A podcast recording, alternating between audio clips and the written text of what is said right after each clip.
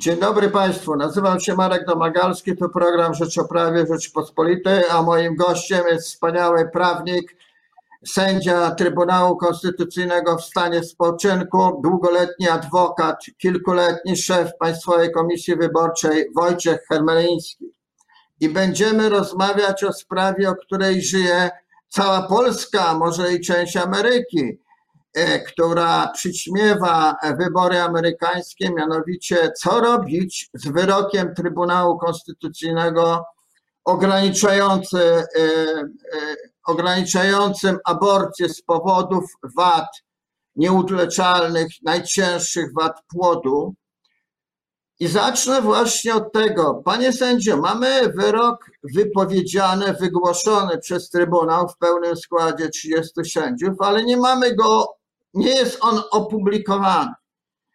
Jak, jaki zatem mamy stan prawny, panie sędzio, w tej chwili? Od razu zapytam, żeby nie mnożyć kolejnych pytań, czy ten wyrok musi być wy, wy, druk, opublikowany, bo i tu jest, y, są spory. E, dzień dobry. Oczywiście, że musi być opublikowany. Tutaj nie ma żadnej wątpliwości, nie ma żadnej możliwości manewru. Tak samo jak musiały być opublikowane wyroki e, kilka lat temu, kiedy pani premier Szydło nie chciała ich publikować z różnych przyczyn, między innymi też jakby e, mając, uważając, że ma uprawnienia do weryfikacji tych wyroków. Natomiast tutaj widzę, że nie ma nikt żadnych zastrzeżeń co do merytorycznej treści wyroku natomiast nie publikuje się z przyczyn, które są dla mnie zupełnie niezrozumiałe, które są niedopuszczalne. Tutaj żadne kunktatorstwo, że tak powiem, nie jest w ogóle możliwe i dopuszczalne. I twierdzenie, że podawanie różnych przyczyn, rozumiem, że w dobrej wierze, a że jedna z tych przyczyn, w zasadzie główna przyczyna polega na tym, że mówi się, że trzeba poczekać, aż y, będzie procedowany projekt pana prezydenta, to nie jest przyczyna, która pozwala na wstrzymywanie publikacji. Nad publikacją premier. E, on decyduje, jeśli chodzi o kwestię promulgowania, opublikowania w organach urzędowych tego, tego, tego wyroku. I tutaj wstrzymywanie się przez pana premiera, no ja tutaj jestem daleki od wysuwania jakichś zarzutów, że może tutaj naruszać konstytucję czy, czy nawet kodeks karny, ale to jest niedopuszczalne, ażeby nie publikować wyroku. Niezależnie od tego, jakie zarzuty się wysuwa w stosunku do Trybunału. Ja również tutaj mam od dawna zarzuty co do e, niewłaściwego składu Trybunału z uwagi na to, że zasiadają w nim osoby wybrane na miejsca zajęte, czy jeśli chodzi o ten ostatni wyrok, udział osoby, która powinna się wyłączyć, ale to zostawiam na boku. Wyrok jest wyrokiem, e, e, taki czy inny. E, Trybunał funkcjonuje, niezależnie od tego, powtarzam, jak się go ocenia i artykuł 190 Konstytucji nadal obowiązuje, nie został zmieniony ani uchylony i ten wyrok trzeba niezwłocznie, jak mówi Konstytucja, czyli bez zbędnej zwłoki opublikować. Wszystkie te preteksty teksty, jakie się podaje, są niezasadne e, i niedopuszczalne.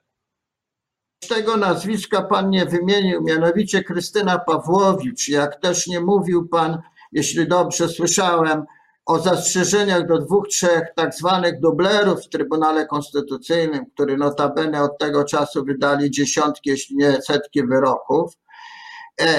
E, niezależnie od tych zastrzeżeń, Trybunał, jest taka możliwość, mógłby, panie sędzio, e, zmienić swój wyrok, ale czy jest w Pana ocenie na to szansa w przewidywalnej e, przyszłości?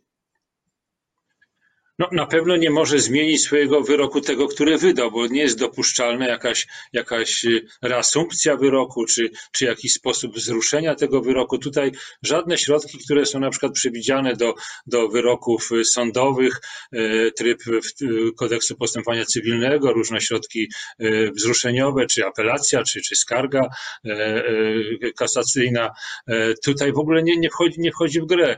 Tu przepisy regulujące postępowanie przed Trybunałem Są jednoznaczne, wyczerpujące, kompletne. Nie ma tu możliwości, ażeby ten wyrok, który zapadł, był wzruszony. Oczywiście Trybunał może w przyszłości, e, może zmienić swój pogląd, występując w tym samym pełnym składzie. No nie w tym samym osobowym, ale w składzie 15-osobowym, e, ale no, musi mieć jakiś nowy przepis do, do, do, do oceny, bo przecież ten przepis już go, prawie go nie ma. No jeszcze, jeszcze czekamy na publikację, która mam nadzieję nastąpi natychmiast i tego, tego przepisu już nie będzie, czy już nie ma nad czym obradować. Musiałby pojawić się jakiś nowy przepis, być może właśnie w wyniku tej procedury legislacyjnej zainicjowanej wnioskiem pana prezydenta czy jakimś innym wnioskiem i wtedy Trybunał mógłby e, zastanowić się i kontrolować ten przepis, o ile byłby zaskarżony, bo też może tak się zdarzyć, że, że nikt go nie zaskarży i przepis będzie funkcjonował. Ale teoretycznie taka możliwość w przyszłości, w przyszłości istnieje. Panie sędzio, Trybunał nie pierwszy raz zajmował się ustawą aborcyjną i nie pierwszy raz ograniczał aborcję. Pamiętamy sprzed wielu lat głośny wyrok Trybunału Konstytucyjnego pod przewodnictwem profesora Cola, który wyłączył dużo ważniejszą, jeśli tak w ogóle można mówić, przesłankę aborcji e, ze względów społecznych, a niektórzy ją nawet wręcz nazywają na życzenie Jakie w Pana ocenie, gdzie są w Pana ocenie, Panie sędzio, granice e, dopuszczalnej aborcji, w których e, może, musi się zmieścić ewentualny kompromis ze względu na obowiązującą konstytucję i na obowiązujące orzecznictwo Trybunału? No tu takim chyba podstawowym przepisem Konstytucji w tym zakresie jest artykuł 38 Konstytucji, który mówi, że każdemu człowiekowi przysługuje e, gwarancja prawnej ochrony życia. Nie ma tutaj mowy o życiu poczętym, jak niektórzy twierdzą, tu mówi się o prawnej ochronie życia. I Trybunał w tym wyroku, o którym pan redaktor wspomniał, właśnie między innymi na tym temacie wypowiadał, ale też zawarł tam takie stwierdzenie, że ta, ta prawna ochrona życia, e, jeśli chodzi o życie prenatalne, czyli czyli życie jeszcze osoby nienarodzonej, ona może się zmieniać w zależności od fazy, e, od fazy e, tego, tej, tego życia prenatalnego. E, rozumiem, że im jest bliżej już rozwiązania, tak ujmuję to językiem niemedycznym, to ta ochrona pewnie musi się zwiększać. Tutaj jest mi też bliskie zdanie odrębne pana, dwóch panu, panu sędziów, pana sędziego Pszczółkowskiego, pana sędziego Kieresa. Pan sędzia Kieres tutaj powiedział, że odrzuca dwie skrajności, czyli z jednej strony właśnie tę aborcję na żądanie, z drugiej strony całkowity zakaz aborcji, ale w tych granicach jest duża możliwość, duża możliwość takiego ukształtowania przepisów, aby były one zgodne z artykułem 38 e, e, Konstytucji. Także myślę, że tutaj, gdyby w tym zakresie się ustawodawca, jeżeli dojdzie do jakiegoś procesu ustawodawczego po wyroku Trybunału, gdyby się obracał, to myślę, że tutaj jest możliwość znalezienia jakiegoś rozwiązania, bo obawiam się, że ani, ani e, ten, to krańcowe rozwiązanie w postaci aborcji na żądanie, jak to się często nazywa, ani też drugiego krańcowego rozwiązania w ogóle całkowitego zakazu aborcji, ono chyba nie ma szans na, na, na powodzenie w Sejmie, w parlamencie. No, nie jestem politykiem, jest mi, to patrzę na to tak trochę z boku, ale tak mi się wydaje, oceniając tutaj wypowiedzi większości polityków, które słyszę, to wydaje mi się, że raczej jakieś rozwiązanie właśnie blisko środka, zbliżone do tego, które zostało uchylone, ono miałoby szansę na, na powtórzenie. Tylko tu jest też jeszcze jedna rzecz, o której chciałbym za chwilkę może powiedzieć. Jeden pewien, pewna przeszkoda. Jest pewna przeszkoda. To ja może zapytam właśnie o przyszłość. Pojawiają się projekty, jak wybrnąć z tego, z tej sytuacji. Jak wiemy, głosy pojawiają się z różnych stron, nie tylko ze strony, strony lewicy, ale jest też e, projekt prezydencki, ale też na przykład są pomysły czy nie można by e, zaangażować Sądu Najwyższego, by dokonał wykładni na przykład pierwszej przesłanki e, aborcji, czyli ze względu legalnej aborcji, czyli ze względu na zagrożenie dla życia kobiety e, lub jej zdrowia, zwłaszcza w kierunku przeżyć i, i problemów psychicznych związanych z niechcianą ciążą, ale też na przykład przez nowelizację przepisów karnych, by by e, no, jakby zmniejszyć odpowiedzialność za tego rodzaju aborcje. Która z tych dróg e, zdaniem pana sędziego jest, ma największe szanse powodzenia?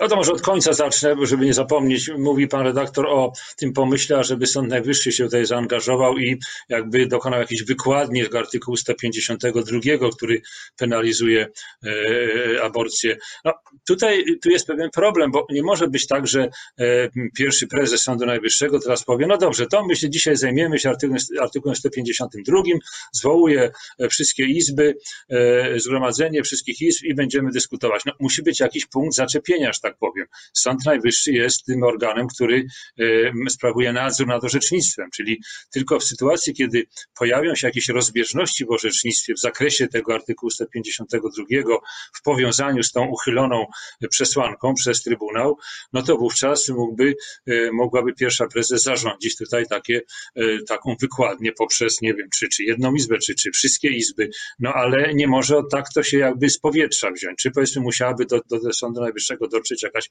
kasacja w tym zakresie żeby dawało to podstawę do, do, takich, do takich rozważań, ale obawiam się, że jeśli chodzi o ujednolicanie orzecznictwa w tym zakresie, to tutaj chyba tego orzecznictwa nie ma, albo jest niewiele i też nie wiem, czy są jakieś rozbieżności, bo tylko wtedy można by tutaj ujednolicać i dokonywać takiej wykładni. A teraz druga droga, no to jest droga legislacyjna. Ja tutaj wspomniałem właśnie o pewnej przeszkodzie, bo proszę zauważyć, że sentencja, e, sentencja wyroku, która już jest e, opublikowana w sensie, że jest znana, e, ale nie jest opublikowana jeszcze w Dzienniku Ustaw, no ona jest jednoznaczna. Ona wyraźnie mówi, że te przesłanki, o których mowa w tym punkcie drugim tego artykułu 4a, y, są niezgodne z konstytucją. Tutaj jakby Trybunał daje sygnał ustawodawcy. Myśmy jako Trybunał uchylili ustawodawco twój przepis, ponieważ jest on niezgodny z konstytucją.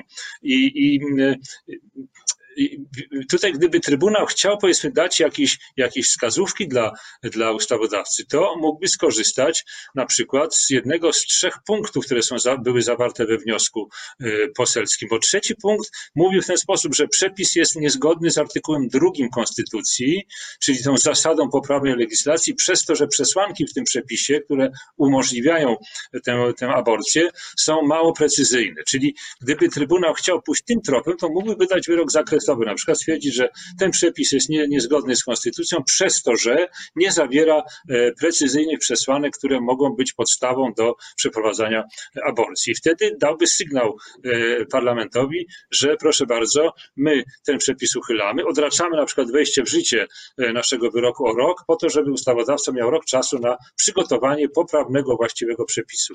Ale nie poszedł Trybunał tą drogą. Trybunał jednoznacznie uciął ta przesłanka, ta sentencja jest bezwzględna, jest jednoznaczna. Nie ma. Wykluczona jest ta aborcja, ten, ta, ta forma aborcji. I teraz jeżeli prezydent czy, czy ktokolwiek inny upoważniony y, y, y, przedstawia nowy projekt tego przepisu, który jest w zasadzie prawie że zbieżny z tym uchylonym, no to idzie jakby kontra, kontra decyzji, decyzji Trybunału. Oczywiście może to uczynić, bo przecież i senatorowie, i posłowie to są mandaty wolne, mogą forsować, mogą przedstawiać, uchwalać prawo, jak to widzą za stosowne, zgodnie ze swoim sumieniem i wiedzą. I taki przepis, jeżeli będzie nowy, uchwalony, czy to od identycznej treści, czy zbliżonej, on będzie funkcjonował do czasu, dopóki Trybunał go znowu nie, nie oceni, o ile będzie jakiś wniosek złożony do, do Trybunału, czy wniosek, czy skarga konstytucyjna, czy może pytanie prawne sądu. Dopóki nie będzie żadnego, żadnej takiej, żadnego zainicjowania takiego postępowania, to przepis będzie korzystał z domniemania konstytucyjności i będzie nadal obowiązywał i, i wiązał. Ale to wszystko zależy od tego, co będzie chciał i czy będzie chciał parlament się tym zająć. Na razie, jak widzę, ta, ten taki zapał e, trochę już ostygł. Ale nie wyklucza pan powodzenia prezydenckiej inicjatywy, e, ponieważ jednak, ponieważ jednak czas nam ucieka i nie wykorzystam pana wiedzy, a właściwie erudycji e, w dziedzinie prawa wyborczego i nie zapytam o Stany Zjednoczone, E, zwłaszcza, że oni już zaangażowali prawników, przynajmniej Trump. Myślę, że i druga strona. Ale na koniec, bo mało czasu już mamy, panie sędzio, zapytam, zadam lżejsze pytanie. Jak pan ocenia, bo, bo, wy, bo, bo wy, wybuchł nam, znaczy wybuch, powstał nam taki teraz też temat. Jak pan ocenia określenie Trybunał e, Julii Przyłębskiej, zwłaszcza w ustach prawników. Tak, no tutaj była przecież był problem. Krajowa Rada Radiofonii i Telewizji tutaj zwróciła uwagę jednej z telewizji, telewizji TVN, że jest to nawet użyła sformułowania, że jest to mowa nienawiści, co dla mnie to jest absurdalne, bo, bo ja rozumiem, że gdyby używano sformułowania Trybunał, e, nie wiem, Jarosława Kaczyńskiego, z całym szacunkiem dla wszystkich tych osób. Czy Trybunał Byłoby chyba premiera, bliższe prawdy to określenie. czy, tak, czy Trybunał Prezydenta Dudy, to byłoby bliższe prawdy, no bo nie oszukujmy się, no jakaś, jakiś tam zalążek prawdy w tym tkwi. Natomiast twierdzenie, że jest to Trybunał Julii Przyłębskiej, czy powiedzmy, czy sędzi Przyłębskiej, no ja tutaj nie dopatruję się w tym niczego, niczego nie- niewłaściwego. No wszyscy wiedzą, że ja rozumiem, że jest to trochę rodzaj takiej przesłanki, że na czele tego Trybunału stoi sędzia Przyłębska, więc tutaj dla mnie, dla mnie tego rodzaju zarzuty to są nie, niepoważne e, i ja bym się tutaj nie dopatrywał niczego, niczego niewłaściwego. Dziękuję panie sędzio.